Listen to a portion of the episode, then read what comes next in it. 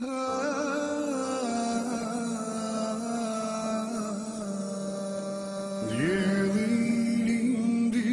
edhe adit Por bankat zbrast indriqoj Në majë lartë trimat janë gjit. Shkollë Alhamdulillah Rabbil Alamin Salatu wassalamu ala nabina Muhammed Wa ala alihi wa ashabi ajma'in Thumma ma ba'd Dokle smo došli u zadnjem predavanju? Čudno pitanje, ali da, dobro, hajde. Pričali smo o propisima vezanim za trudnicu.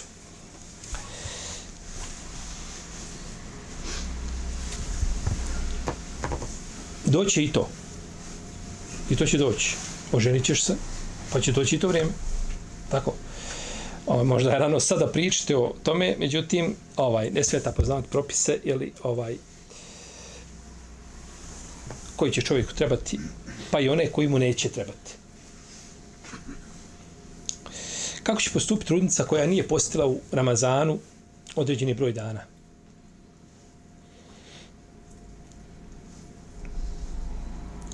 Kod većine islamskih učenjaka trudnica ima propis bolesnika.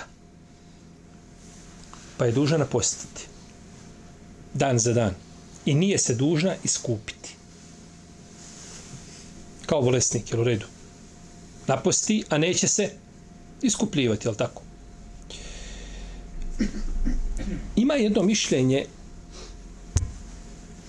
koji zastupa Ibn Abbas, Ibn Omer, to je do, on je vjerodostojno prenešeno, i to je stav Katade, Sad Ibn Musaiba, Ibn Džubeira, Kasima bin Muhammeda, Sudija, poznatog Mufesira, Ishaka ibn Rahavija, poznatog imama. Oni kažu, trudnica je dovoljno da se iskupi, ne mora napaštati.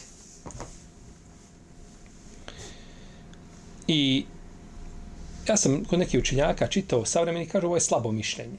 Na, kaže ima jedno slabo mišljenje. Nije ovo slabo mišljenje. Ovo je mišljenje jako. To je mišljenje sunata od džemata. Zastupaju ga dva ashaba i ne zna se da je neko kazao suprotno tome. Ja sam jednog šeha čuo da je ovo mišljenje zastupo, da zastupa ga i džabir. Tražio sam dugo i nisam mogao naći džabirovo mišljenje. Ovo je s tim poznato od Ibn Omara, i od Ibn Abasa da su kazali za trudnicu, ona se ne mora, ona ne mora napaštati, već treba se iskupiti za svaki dan hran po siromaha. Mišljenje većine ovaj kada bi žena napostila, uradila bi ono što je sigurnije. Međutim, ako bi samo iskupila, ima, imaju znači imami koji zastupaju to mišljenje, ne može skazati to mišljenje slabo, jer, kažem, to je mišljenje Sejid ibn Musejiba od Tabina i Sejid ibn Džubeira i Katade, to su među neučenim Tabini. Kasve ibn Muhammeda, posebno.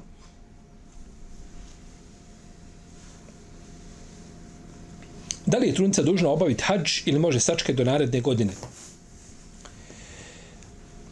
Ovo pitanje tiče se u stvari propisa odgađanja hađa nakon ispunjenja uvjeta za njegovo obavljanje. Ili drugim riječima rečeno, da li je griješna osoba koja ima pare, ima zdravstvenu jel, mogućnost, ima siguran put, sve može obaviti hađ i kaže neće ove godine, nego će obaviti 25. 1446. će obaviti. Par godina će odgoditi hađ. Je li griješna? Predmet je razilaženje među učenjacima.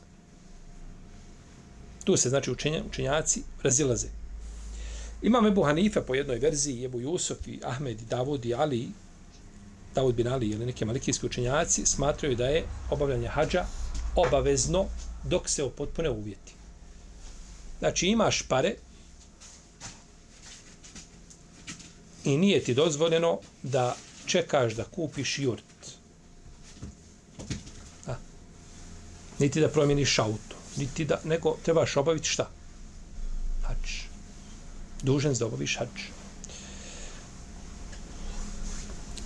Kaže uzvišeni Allah, kaže Ulillahi lillahi ala nasi hijđu bejti men istata ilaihi sabila. I ljudi su radi Allaha dužni obavljati hađ ko ima mogućnost da dođe do Kaabe. Ima hadis kod Ebu Davuda, kod imama Ahmeda, s dobrim lance prenosaca, da je poslanik sa osam rekao, kaže, ko želi obaviti hađ, neka požuri. Ko budete obaviti hađ, neka požuri.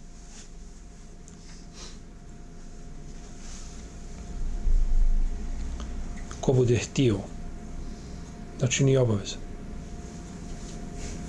Pitanje razumijevanja hadisa. Ha. I zbog toga je došlo razilaženje kod učenjaka u, u, u dosta pitanja. Ja se razilaze u vezi autentičnosti argumenta, ja se razilaze u vezi s njegovim s načinom dokazivanja. U redu, mi se ne razilazimo da je argument autentičan, bio ajet ili hadis, ali se razilazimo da li se njime može dokazivati u vezi s tim. Pa kažu ovdje, ko bude tio obaviti hađ, neka požuri. Kao kažu, ko, ko bude tio klati kurban. Znači, ako hoćeš, a nije obaveza. Ne kažu, nije to ciljano. Nego, ko, mo, ko želi da obavi hađ u toj, ili, ili došla je mogućnost da obavi hađ, neka požuri za hađ. Kažu, to je ciljano. U svakom slučaju, imamo ovdje predaju Omara, koji bilježi mi bi šejbe, ona je vjerodostojna da je Omar rekao, kaže, ko bude u mogućnost da obavi hađ, pa umre prije nego što ga obavi, svijedno mu je, kaže, da li umro kao jevrij ili kao kršćan. Naravno, ne, ne mogu se ove riječi prihvatiti u smislu da se kaže da je nevjernik ko ne obavi hađ. Nije čovjek tim izišao van vjeri. I on prestao biti musliman. Ali je veliki grijeh počinio. Veliki grijeh počinio. I ovo prenosi kao riječ poslanika, sa osanem, ali nije ispravno. Bileži ovo imam El Bejheqi, imam Darimi, drugi, ali nije, nije potvrđena autentičnost, neko je poznato da je sto riječ, znači Omara radi Allahu teala anhu. Sejid ibn Đuveir kaže, kada bi imao komšiju koji kaže, je preselio na Ahireta, nije obavio hađ, ne bi mu, kaže, klanjao dženazu. Znači, ja mogao je obaviti, jel? Naravno, ako nije mogao obaviti, nije ni dužan da ga obavi, ako ne može. To je vratno ciljano s te strane da ljude šta? Da, da, da ukore ljude. Vid, vid ovaj drsa onima koji tako razmišljaju. Jer taj čovjek nije nemusliman. Ko ne obavi hađ, dok ne poriče obavezu hađa, on je musliman, grešnik. Ali ponekad, ponekad je lijepo imamu, uglednom čovjeku, mufti, rejsu, nekome od velikana, koji su od ljudi autoriteti, da urade nešto, iako je šerijatski, kao recimo da, da kada poslanik nije ti uklanjati čovjeku onome što je bio pod dugu. Je to nemusliman? Kaže, klanjajte mu dženazu. Ja neću. To je poruka. To je poruka, znači da je dug belaj, da je to musibe. Međutim, kad mi stanemo dužan, ako ima dužan, obrate se tamo porodici. Ovaj, uh, jeli, I sve to, idemo dalje, kao da ništa. Nije klanjao. Čak kod učinjaka koji kažu da je to musliman griješnik, neću mu ja klanjati. Klanjate mu mi ženazu. Ja mu neću klanjati, Efendija klanja ženazu. Naravno, taj Efendija ne boš ostao više ni, ni minute Efendija, jel?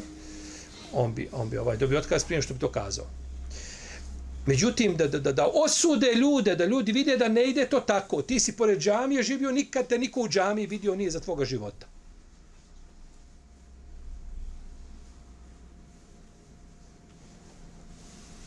Pa ima pravo, znači da se ponekad ljudi osude zbog tog postupka, ako će taj postupak ovaj dati ne polučiti rezultate. Međutim, ako se taj postupak napravi još veći je belaj, onda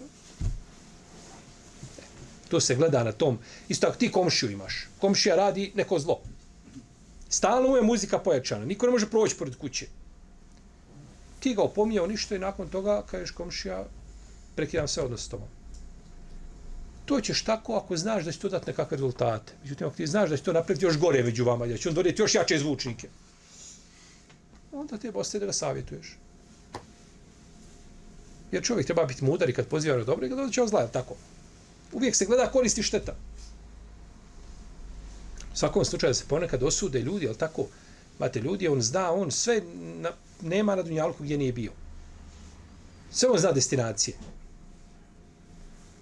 kupuje karte, ne treba gledati koliko je cijeno, za karte po, po Dunjalku kako lete i, i nisko tarifni ovi, ovi. Sve on to zna.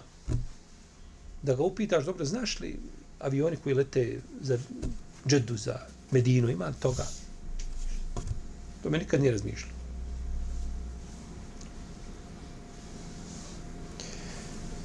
Pa čovjek treba obaviti hač. Uzviše na naređuje hač. Kad ti djeteto naredi, odnesi mi čašu vode. I on ti donese čašu vode nakon 3 sata. Jel se odazvo tvoje naredbi?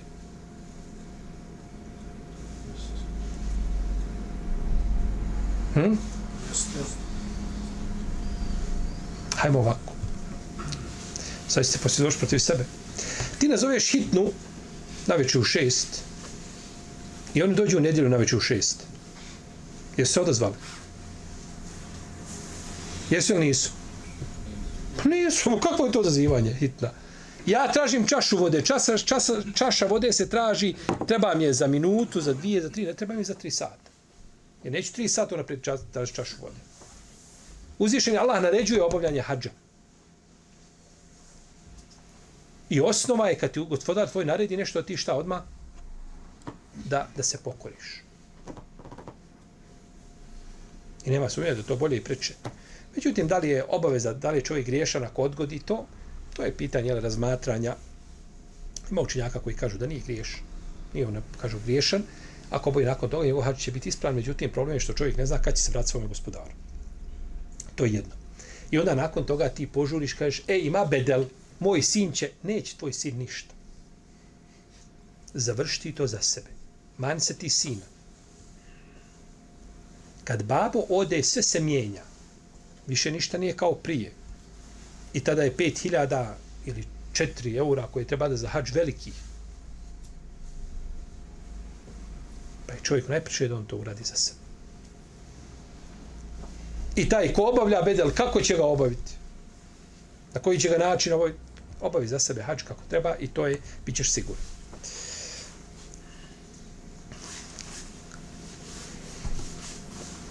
Pa je, imamo s druge strane, imamo Šafija, Uzaja i Saurija i većinu malikijskih učinjaka koji smatruju da je hađ dužnost koja se mora izvršiti u životu, da je to životna dužnost. Ne moraš odmah ići mišljenje ehlu sunneta.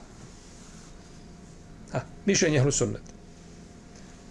Ovaj stav oni dokazuju činjenicom, kažu poslanik je sa osrema oslobodio Meku osme hiđarske godine, kaže, a obavio je hač tek desete godine po hiđu.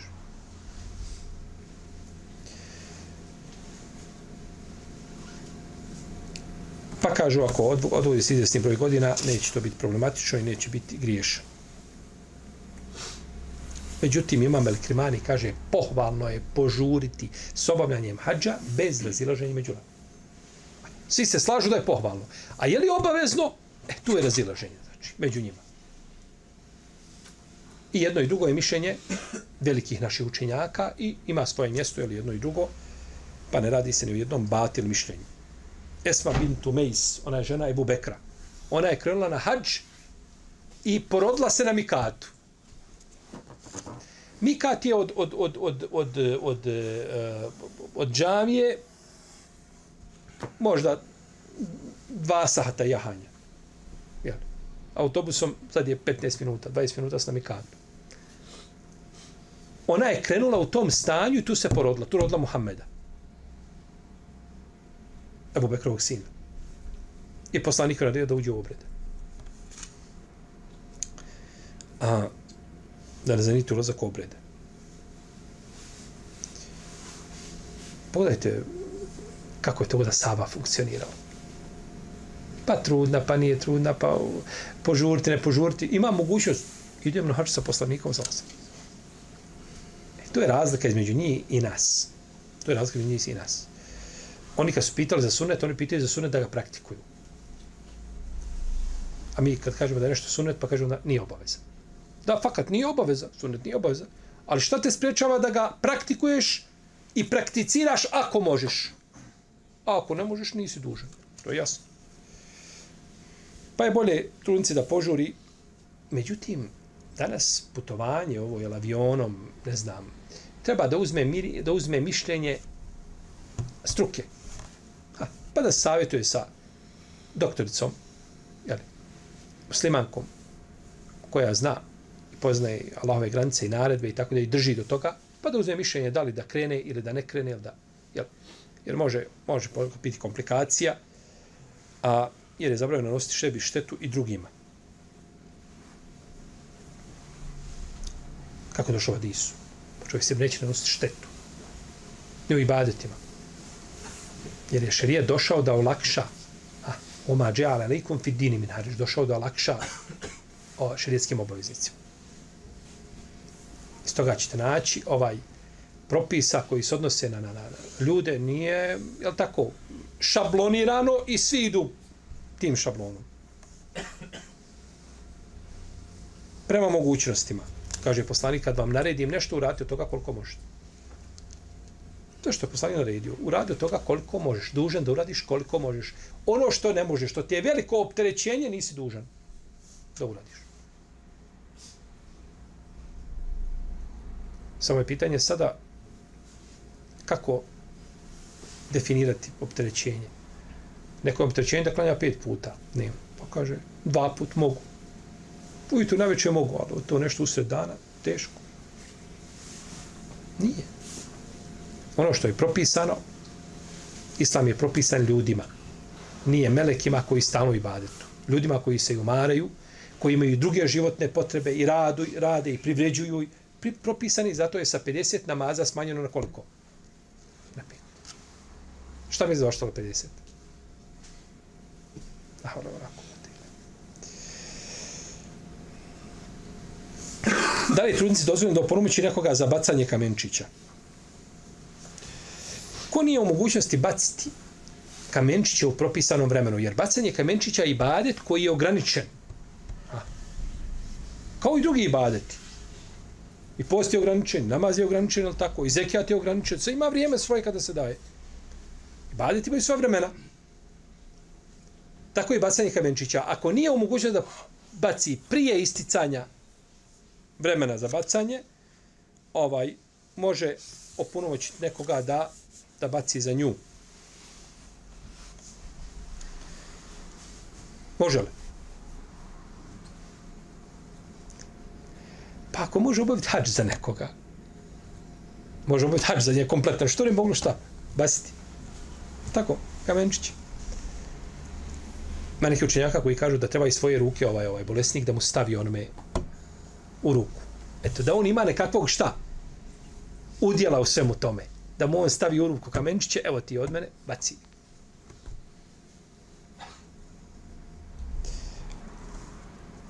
Tako da ispravno da može Malikijski učinjaci su ovdje strogi. Oni kažu, mora odnijeti ga dole. Nosi ga na džemarate, dole nek baca. Danas se to koristi kolicima. Često kolicima neko gura, pa iz kolica baci našto nakon proširenja ovi, ovaj, jeli, dole džemarata i tako dalje. To je olakšano. To nije prije, prije bilo tako. Prije uđeš u, u kamenčiće, kad ulaziš, izgovoriš šehadet prije toga i hoćeš izaći. Bio sam na hađu, jedne prilike ponesem torbu. Ne, ali ne sluša niko redare. Da ste vi to redarvo. vi ništa ne znate, mi znamo. I ti onu veliku torbu sa sobom. I tako i drugi nose torbe. Svi nose torbe, jer taj drugi dan, 12. Zulhidžet, idu sa mine. I sada ne bacio, pa se ja ponovo moram vraćati, pa imam prazan hod 2 km, još 2 nazad, dotle, 4 km ja ušparam, ja ponesem torbu. Ali ta torba uzrokuje smrt ljudi to što si ponio, ti ne znaš da si ti ubica možda a, veliko broja ljudi. I ovaj, vjerujte da je bilo situacija da čovjek misli to je to. To je to dunjalko što je bilo propisano, to je propisano, tu završiš.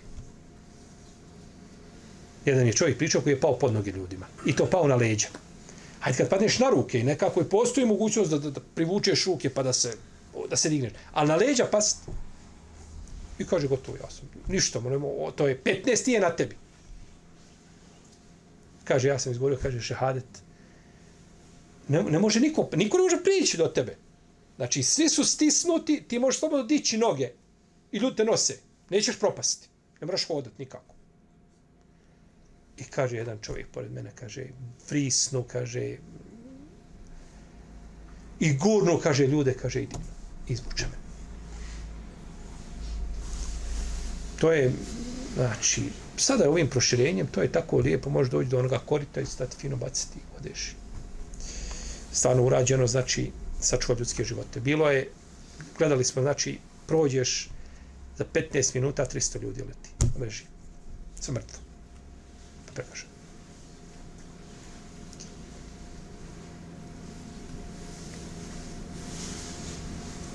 Tako da je dozvoljeno, ako ne može trudnica da baci, da oponoći nekoga. A ako može da je neko gura u kolicima, da ima neko da, da, da, da, jel, to, da mu nije teško da je gura, da je vrati, kad bereket, fino je postupio.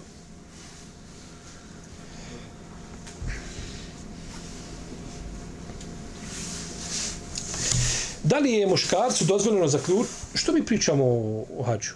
Što smo zaključili? Ha? Ko zna? Da li trudnica? Ma vezano za trudnicu, nije vezano za hađu. Mi govorimo o trudnici. Propise, propise, imaju... Pogledajte se vam kako islam, kako islam uređuje ovaj kako islam uređuje, ne može čovjek koji sluša o islamu i o njegovim ljepotama i o propisima, ponekad, ponekad neki propisi tebi malo teški, ha, čuješ neki propis i kaže, ha, ne znam da li bi ja to mogao, ne znam, ali vidiš kako je to islam uredio. Da je to sistem, da je to uređeno, da je to božanskog porijekla. Da li je dozvoljeno muškarcu da oženi ženu sa kojim je počinio nemoral i ona ostala trudna?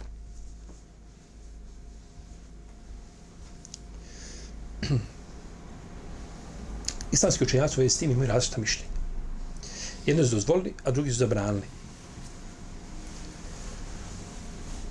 Kažu, neki dozvoljeno je ako počini, učini pokajanje i sačeka minimalno jed, jednu mjesečnicu da dobije da se pokaže da je materica šta? Čista. Da nema trudnoće. Da nije ostalo trudno. I to je priča i sigurnije. Ako već to želio da ženi, tako hoće da oženi tu ženu, ovaj, nakon mora biti nakon pokajanja. Mora biti nakon pokajanja. Kaže Imram Amr, kaže Mersed, Benebu Mersed Delganevu je, kaže, prebacivao zarobljenike, kaže, iz Mekije u Medinu. Imao je, kaže, priležnicu koja se zvala Anak. Anak se zvala žena. Pa je jednog dana otišao poslaniku, sa i kaže, Allah poslanič, kaže, mogu li ja, kaže, nju ženiti? Pa je poslanik šutio dok nije obavljen ajet Ezani la jenkihu ila zani. Wa zanijetu la jenkihu a illa zaninu mušrik. Ezzani la jenkihu ila zanijeten u mušrike. Wa zanijetu la jenkihu a ila zanine u mušrik. Wa hurrime dhalike ala mu'minin. To je vjernicima zabranjeno. Ne, nemoralnik ne želi osim nemoralnicu. I obratno. Pa je rekao poslanik sa osaname, kaže, proučio moje ajte, rekao, nemoj se ženiti njome. Tako bilježi imam Ebu Davud, imam Nesai sa vjerodostojnim lancem. Znači, ovaj ajet je objavljen povodom šta? Merseda radijallahu ta'ala.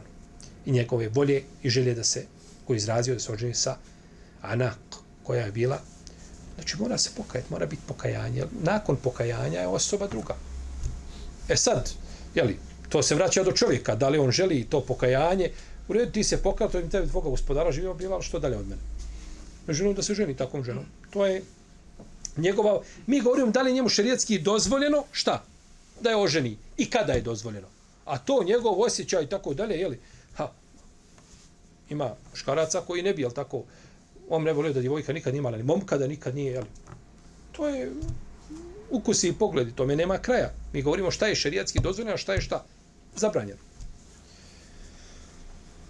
Kaže šehol islam, rahimahullahu ta'ala, kaže muškarcu je zabranjeno da se oženi sa bludnicom sve dok se ne pokaje. I u tom pogledu kaže nema razlike između žene sa kojom je počinio blud, on ili neki drugi muškarac. Znači ona ako je blud počinila, sa njim ili s drugim mora se šta?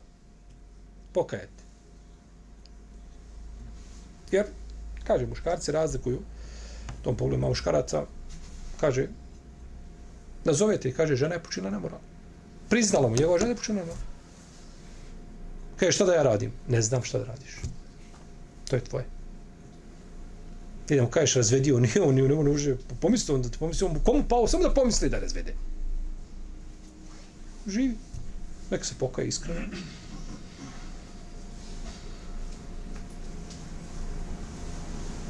A neko kaže otvoreno, kaže, ja, to je nemoguće, kaže, šta god da urade, on ponovo ja neću razvesti.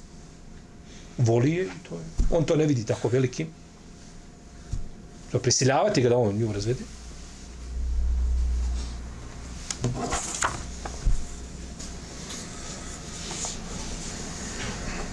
Da li se smatra šehidom žena koja umre prilikom poroda? Imaju hadi, u sunetu poslanika, sa imaju hadisi koji ukazuju da da bi žena da žena u tom slučaju da ima poseban status Pitao je poslanik sva koga smatrate kažu šehi, koga smatrate šehidom? Pitao je sahabe. Kaže Allah poslanič onaj ko pogine na Allahovom putu. Pa je rekao poslanik sva sam kaže sedam skupina ljudi su šehidi. Pored kaže onoga ko bude ubijen na Allahovom putu. Pa je rekao ko umre od kuge i utopljenik i onaj ko umre od a, a, a, od upale rane ili čirana, podrebrici, onaj ko umre na stomačne bolesti, onaj ko umre u požaru, ko umre u podrušenama i žena koja umre u trudnoći. To znači kategorije šehida koji su šehidi na ahiretu, a nisu na dunjaluku. Za razliku od onoga ako pogine na Allahovom putu, on je šehid na dunjaluku i na ahiretu.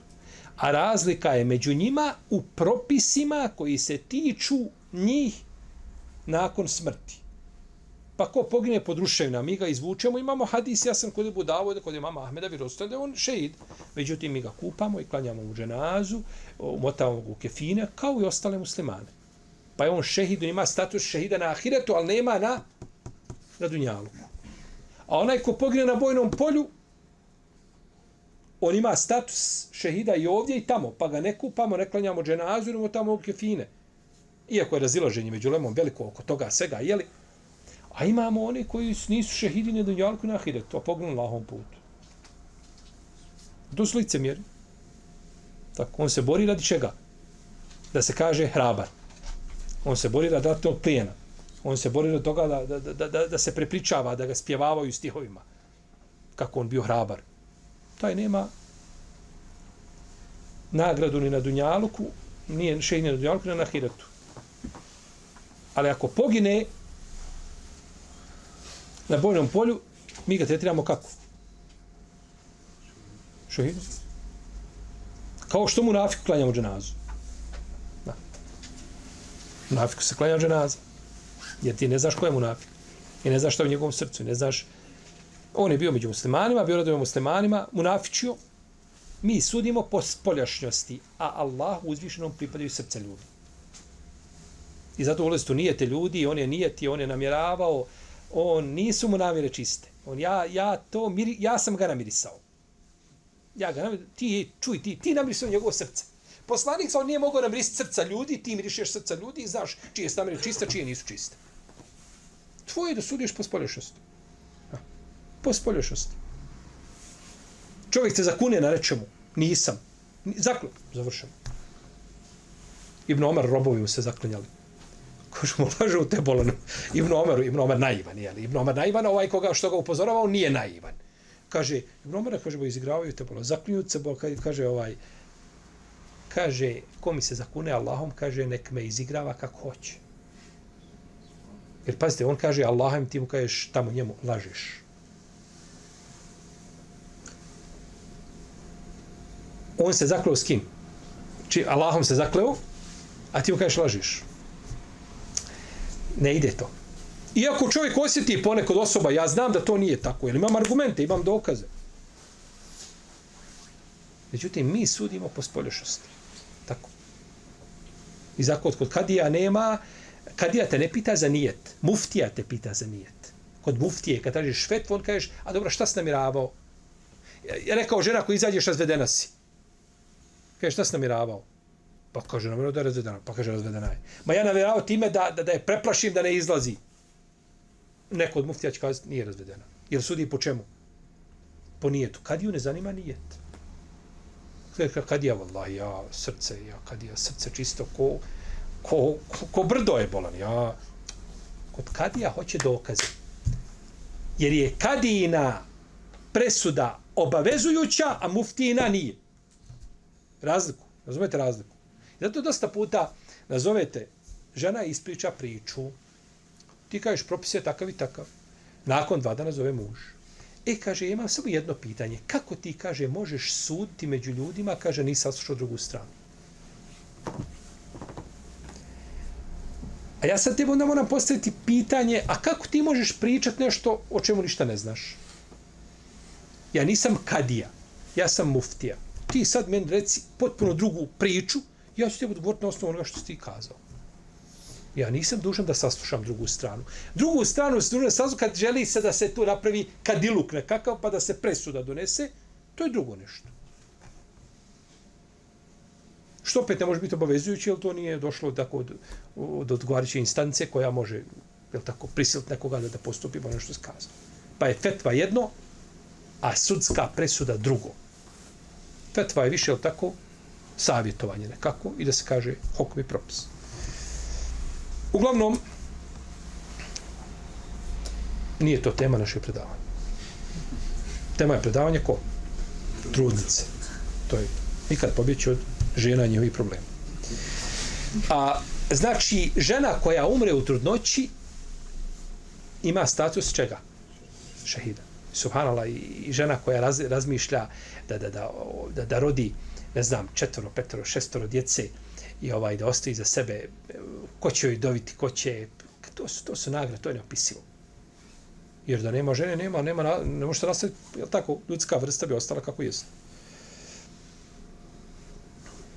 šehdi onaj ko bude bio na ovom putu i ko umre od epidemije, utopljenik, onaj ko umre od stomačne bolesti, žena ko umre od vremeni fasa, bit će vezane za svoje dijete pupčanom vrpcom i tako će uvijek suđen. Tako je došlo kod imama Ahmede, kod tabaranije sa dobrim lancem. Znači, imaju znači, nagrade, je tako? A, iako su mi prethodno, pre, prethodno govorili, da li imaju nagrade za trudnoću? Jesmo li? I rekli šta, da nema o tome? Ej, okahrili ženski rod. Kako to da nema naga? Ima naga, ali treba da preseli. Nagrada postoji, iako nije spomenuta, nagrada postoji. Žena je zbog cuke ušla u, u, u, u džennet, zbog psa. Ona je zbog mačke ušla u džennet. Ova rodila mu'mina koji je Allahu na seždu pada i odgojila ga kao vjernik. Kako neće imati nagradu? Ne mora nagrada ovaj biti jel, tako definirana precizno. Ja.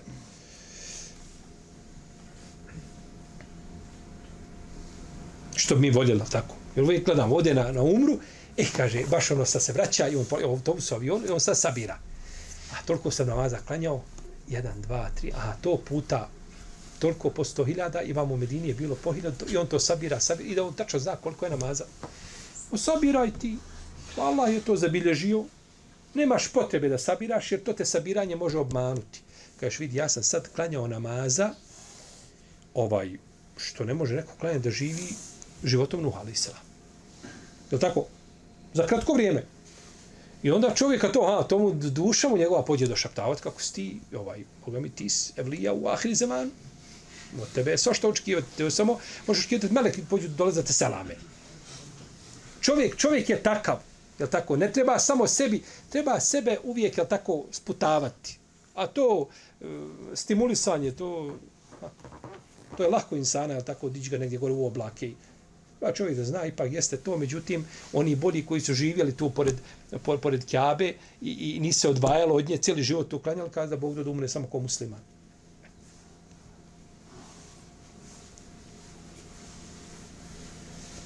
Naravno, Allahova milost je velika, prihvatao svoju ruvatu definitivno, ali ne treba čovjek sebi ovaj a, dizati reputaciju toliko da, da upadne u oholost, samo dopadanje i da, da vidi sebe a, velikim, je tako? Ajša kaže kad je objavljen, kad su objavljene ajeti povodom njene potvore, pa kad je došao poslanik, pa sjeo kod nje, pa ona šuti. Ona zna da je u pravu. Kaže, vallahi, kaže, došao je Safan ibn Mu'attal, rekao o, o, o, svoju djevu, prisilio da, da, da klekne, I nije rekao uzjaši. Ona je znala šta treba uraditi. Uzjahla, kaže, rekao, kad me vidio, rekao je, inna lillahi wa inna ilaihi rađion. Znao me, kaže, prije pokrivanja me znao kako izgleda. Kaže, pa sam tahamertu u oči i bi džilbabi. Pa sa svojim džilbabom, džilbabom pokrila lice. Wallahi, kaže, riječ sa mnom progovorio nije. Riječ sa mnom progovorio nije dok nije došao. Sve kakva je to čednost i čestitost, bolan kaže, nisam, kaže, nikad mislila, kaže, da će da Allah, kaže, Omer objavi, kaže, ajete. Najviše, kaže, što sam mislila da će poslanik u snu, kaže, da će vidjeti, da će biti prikazan da sam ja nevina, da sam ja čista, toga svega, ti potvora. Ajša misli da je ona, ona je puno manja od toga da zbog nje budu ajeti objavljeni. Tebi kad neko uradi nekakvo zlo, ti znaš da ti učadi ovdje nepravda. Kažeš, Jarab, on ako dočeka sabaha, a ne napuše se ko bure, to će biti keramet. Moramo se, moramo se do sabaha nešto desiti. Pazi, on je meni nepravdu učinio i vidjet će šta će biti. Tako čovjek sam sebi. Ajša kaže, ja nisam sebe tako... Oni sebe nisu tako doživljavali.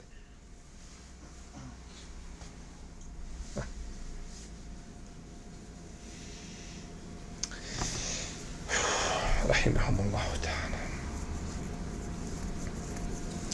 Nema ni posebna dova koju žena uči prilikom poroda da žena ima posebna dova, nego uči općim dovama, jer se uzdiši Allah odaziva nevoljniku. A porod je težak. A, porod je težak. Ako je neko pristupao porodu, zna kako je to, kako to izgleda, da je to a, nevolja.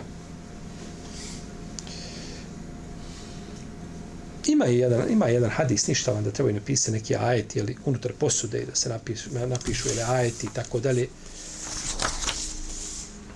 da se saperu da to žena popije, međutim, nije to. Ispisivanje ajeta šafranom došlo je to, od određenog selefa došlo da se ispiše, pa se to onda sapere, pa se popije i tako dalje. Poslanika sa nema ništa o tome, jer da je prenešeno Iako Selefa ima, ima ima opasnije od toga da list da napiše papire, da jede ovaj papir. Bolesnik jede papir.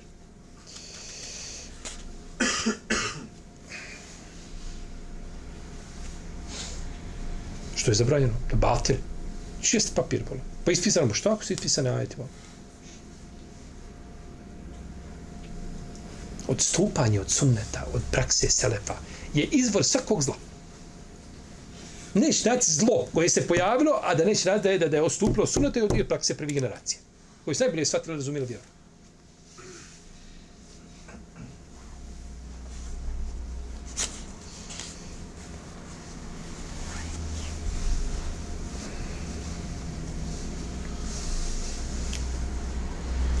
Kako će trudnica računati priče kad ne dobija menstruaciju? Muž razvio ženu u trudnoći mužu je dozvoljeno da razvede ženu u drugom stanu. Kod našeg naroda mnogog ima objeđenje da je to haram. Znači, kaže, ej, zamisli, razveo je ona trudna bolan. Razvode se ona trudna bolan. A uziša na to u Kur'anu spomin.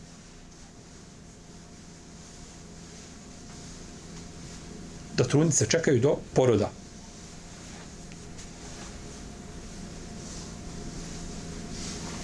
Volatu lahmali eđelu hunne en jedane hamlehun. Trudnice čekaju dok se ne porode. To je znači priček šta? Njen. Pa muž razvede ženu, priček može trajati 15 minuta,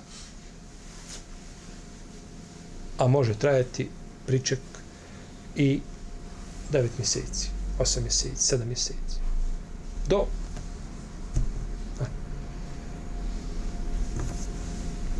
I nema brod da je vrati. On je razveo prvi put. I za pola sahata bolnica, kola, pore se porodila i on ide sa buketom cvijeća. Došao on sad da vidi sina, da vidi mujagu kako izgleda. Kaže, strankinja, možeš dijete, možeš vidjeti, to ti je dijete, ali nju ne možeš vidjeti. Njen pričak je završen.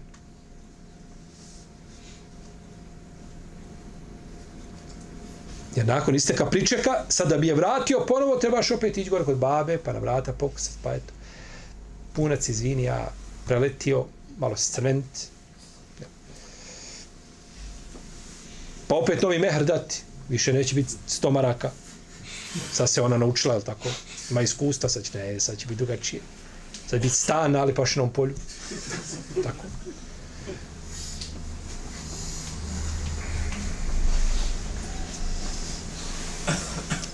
Koji je pričak dužna ispoštovati trudnica kada muž a, muž koji umro? Muž umre koji će trudnica ispoštovati pričak imamo pričak poroda imamo pričak 4 mjeseca 10 dana. Ona u drugom mjesecu trudnoće. I muž umre Pa Pa ona je trebala čekati nakon smrti muža još 4 mjeseca i 10 dana. Ha. Je tako? Međutim, ovamo kažu da, ha, da je njihov pričak šta do? Do poroda. Tako. Njen pričak je završava porodu. Porodom, bez obzira znala da je za smrt muža prije ili posle poroda kad god i da nije znao da je muž neki bio ranije, to nije moglo znati, tako? Zna se nakon godinu dana sazna da je neko umro neki. Znači, istječe, šta? Porodom. I to je stav većine učinjaka. Ima hadis kod Buhari kod muslima od Misra ibn Mahreme radijallahu ta'ala anhu, da je e, Subeja al-Islamija porodila se nekoliko noći nakon smrti svoga muža, pa otišla kod poslanika sa osrme i tražila da se dozvola se uda, pa je dozvolio nakon smrti, na, muž umro, nekoliko noći nakon toga, porodila se i on tražio do, do suda, udaj se. So, kako je kod Asaba život bio jednostavan? Nije zabilježeno, ne znam da je zabilježeno kod Asaba da je bila udovica. I da se je sakupljalo za udovicu. Udovica ne treba samo para. Udovica treba muža. Muškarca u kući. Ona ne treba samo para. Krov nad glavom je smjesti, to je njoj Život bio jednostavan. Pa, A, sada muž, žena mu umre, kaže, ne, moraš čekati godinu dana. Muž nema ideta nakon žene nikako. Tu, tu žena ima četiri mjeseca i deset dana. Muž nema nakon žene. Ne moraš čekati godinu dana. I ako se, ako se oženiš, onda bela i problemi. A jedan da sam imao pitanje. Ovaj, neće djeca sa babom ništa kontakt. Babo se oženio, neće kontakt nikako sa njim. Pa šta želiš od babe? Mama umrla, ostao babo 45-50 godina u na najboljim godinama. Je tako, imalo ovdje ko? Ovaj, i, ej, i znači ovaj, i ostao i ne, ne, on se ne treba ženiti, jer, jer to, bi, to bi bio vid poštivanja naše mame. On se treba oženiti prvom prilikom i to je to.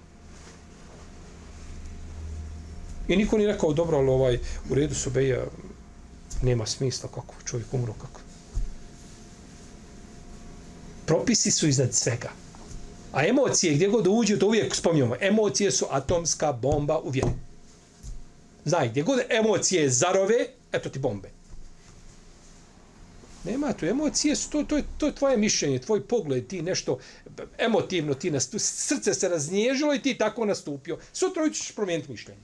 Dok prespavaš, dok ustaneš ujutro, više nisi onako, jeli, nisi pod tim dojmom emocija, drugačije razmišljaš, ne bi. To je to. Imaju propisi, po propisima treba postupati. I zlo je kad ne smiješ spomenuti propis pred ljudima ili ako postupiš po propisu da ćeš biti izvrgnut linču.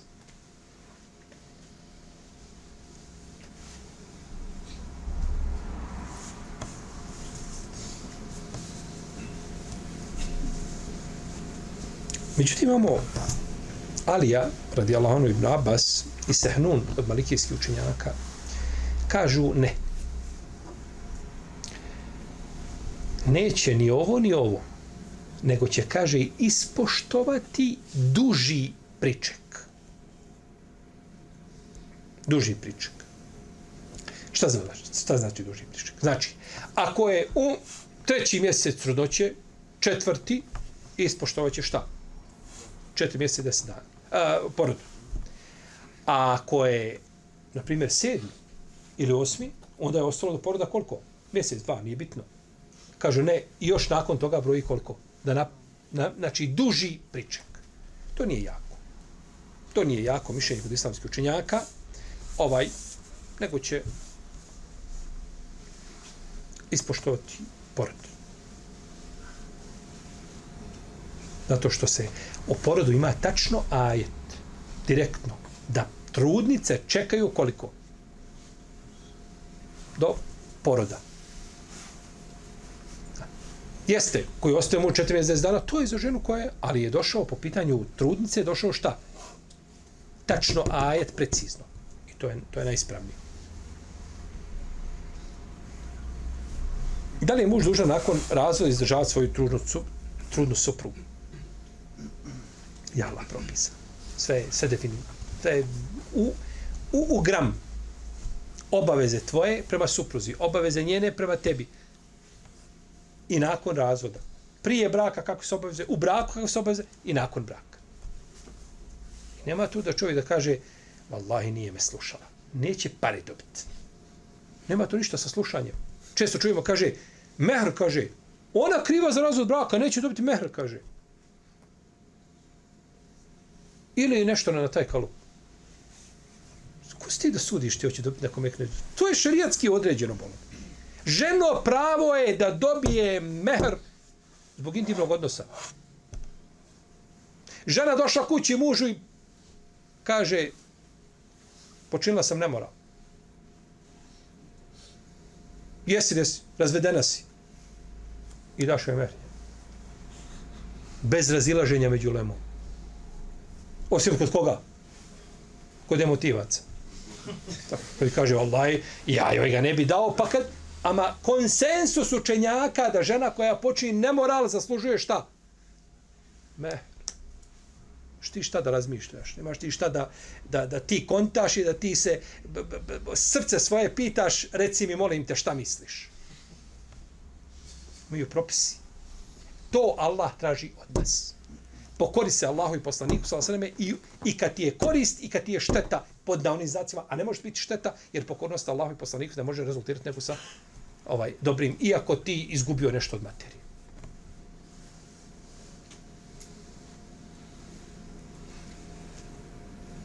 I vjerujte, morate čovjek, mora čovjek, moraš se polomiti, ubiđivati. Čovjek kaže, nije me slušala, ne dobiti ništa.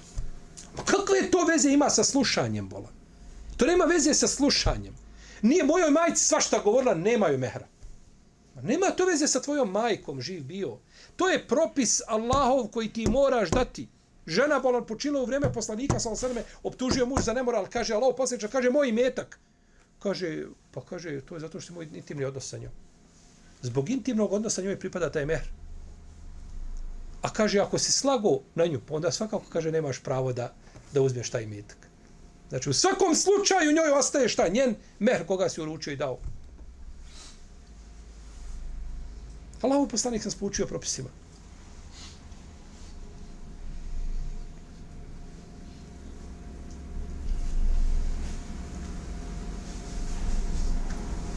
I kako se sahabi bilo u tom pogledu? Ovaj, a, ha, kad poslanik nešto kaže, dođe ajet objava, dođe, citira se nešto, gotovo. Omer, Omeru kad se citira ajet, Omer ovako se okrene. Ko da niše nije taj čovjek, nikako. Sve ono što je pričao, sve pada u vodu. Jer je tako rekao uzvišenja Allah. To je to gdje čovjek vlada svojom dušom, svojim nefsom, svojim emocijama.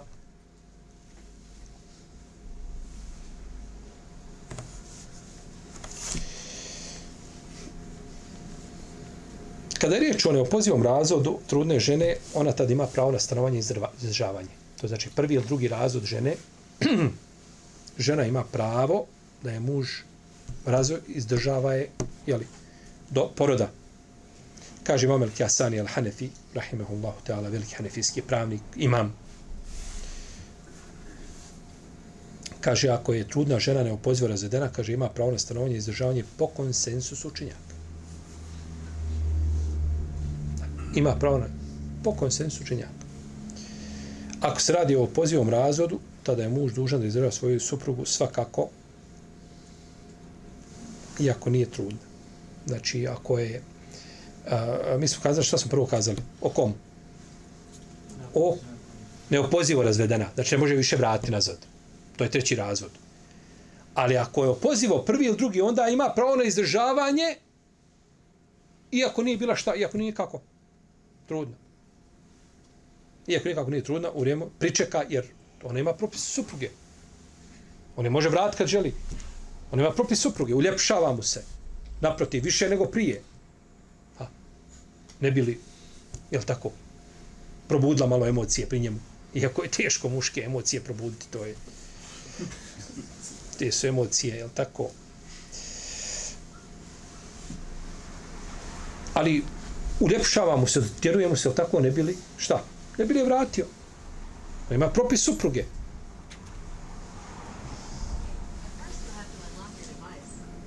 I zato čovjek ovaj koji ima četiri žene i razvede jednu. Ovu što ga ne sluša. Što probleme pravi. I drugi mjesec ode on da oženi. I oženi se. On ima pet žena što je haram po konsensu činjaka ti ne smiješ nju ženiti jer ona ima propis čega supruge. Dok ne istekne idet. Kad istekne idet, to je nešto drugo. Možeš je vratiti ponovo sa novim bračnim ugovorim mehrom, a može drugu. Razilaženje se više vodi kod žene koju čovjek razveo tri puta. Razveo jednu tu tri puta, mora li čekati do kraja ili ne mora? Do isteka ideta. Ako je tri puta razveo. E, to je razilaženje. A razveo jedan put ili dva puta, žena ima propis supruge u svakom pogledu. I što kaže, nema ovaj, ovaj, kaže, razvio me, ja mu ne moram kuhat, gotovo više. Ne moram kuhat, ne moram peglat, ne moram ništa. On mene razveo.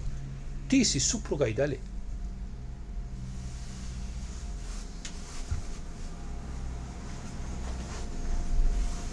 Malo negdje ovako da je u zakonima nekakvim riješeno, da je to eh, negdje zakoni to definirali tako kako je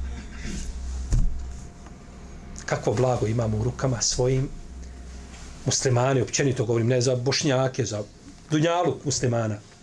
Kako blago imamo u svojim rukama, a dokle smo sebe dotirali. Kakav čorsok kak smo sebe dotirali.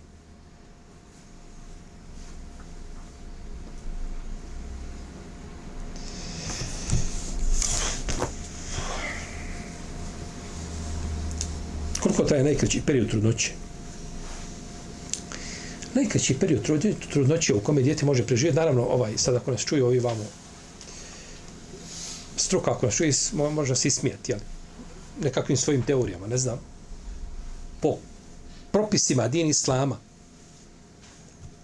ne bi rekao da mogu ismijeti, jer nemoguće je da islamski učinjaci govore ono što, jel? Jeste šest mjeseci. Šest mjeseci je najkraći period trudnoće.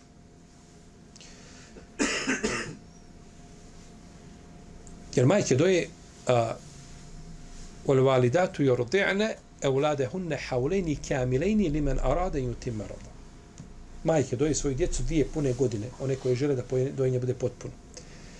A uzvišen Allah kaže u drugom ajetu, kaže majka ga njegovom svukom nosi u mukama ga rađa i kaže nosi ga i doji 30 mjeseci.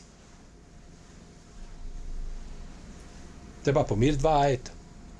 Nosi ga i doji 30 mjeseci. A vama se kaže u ajetu El Bekare da je dojenje koliko? 24 mjeseca. Koliko ostalo? 30? 6 mjeseci. Kažu učinjaci, to je, kaže, najmanji period u kome dijete nakon rođenja može preživjeti. I dijete je tako formirano, ja sam kupao dijete u 6 mjeseci. Da li je umrlo ili je rođeno tako, ne znam šta je bilo, vjerujem da nisam ovaj.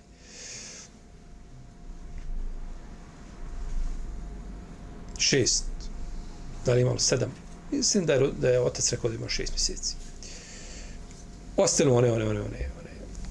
Sve što je bilo iz bolnice, kako je došlo dijete.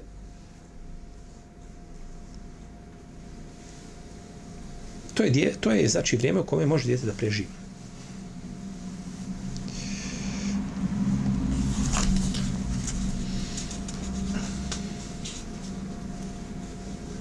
kaže šehol, sam je upitan, kaže, čovjek se oženio ženom, oženi djevicu, i kaže, porodi se nakon šest mjeseci.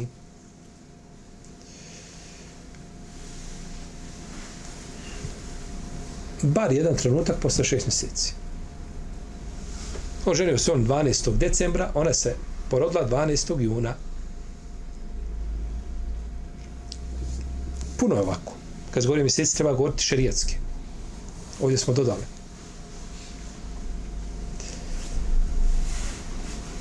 Pita me jedan, kaže, može li, kaže, ovaj,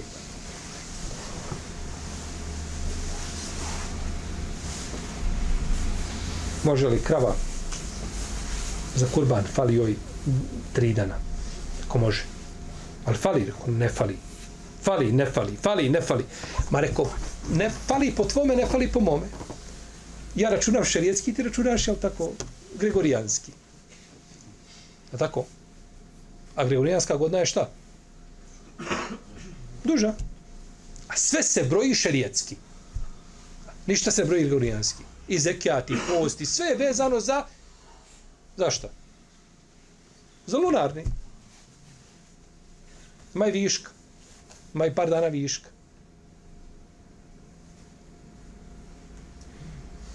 Ili više od toga.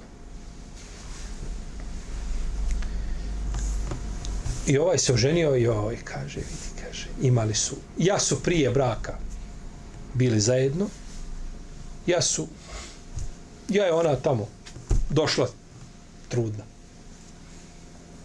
Kako može nakon šest mjeseci da se porodi? Hajde, molim vas, objasnite mi to. Kako čovjek treba, ne treba žuriti sa osudom?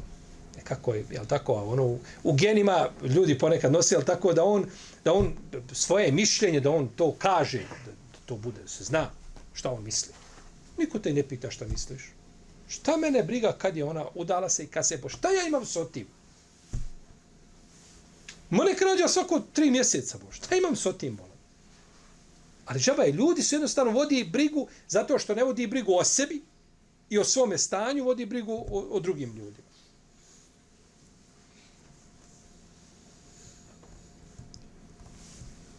Kaže, šehol Islam kaže, i porodi se posle šest mjeseci od intimnog odnosa, kaže, dijete će se računati njegovim po konsensusu učenjaka. Bez razilaženja. Nema kadija, nema odlaska, nema ništa, nema prijava, niko i šest mjeseci. Kako to je islam pesjeca? Gdje je bio, šta bi? Završena priča. Tako, potvarati jednostavno ljude. Znači, kakva je potvora za nemoral? Kako, šta se mora vidjeti od nemorala da bi se potvrdio nemoral? Zato u, u historiji islama, ako se je desio jedan slučaj ili dva slučaja uvr glave, da je, da je potvrđen nemoral viđenjem. Može to biti potvrđen priznanjem. Sto poigravati. Ušao u kuću, žena bila sama, muž je otišao, on je došao, negdje tamo izišao, zadržao se 15 minuta, izišao napolje, belaj. Taj belaj Kur'an ukazuje na Ajša radijalo šta je bilo sa njom, sa našom majkom. Su ljudi pričali, govorili, možda, joj je, možda mu je tetka, možda... Pa ti su tim nemaš ništa.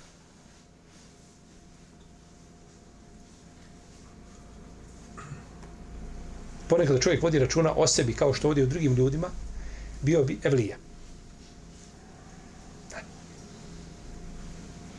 Ponekad je to kod nas. Da.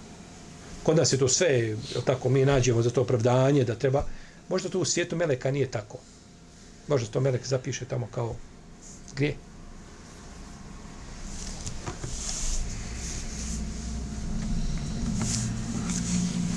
Dobro, a najduža trudnoća? Tome tome islamski učenjaci imaju devet mišljenja. Devet mišljenja. Uglavnom je trudnoća, ali tako, uglavnom traje najviše. Najčešće traje, traje devet mjeseci.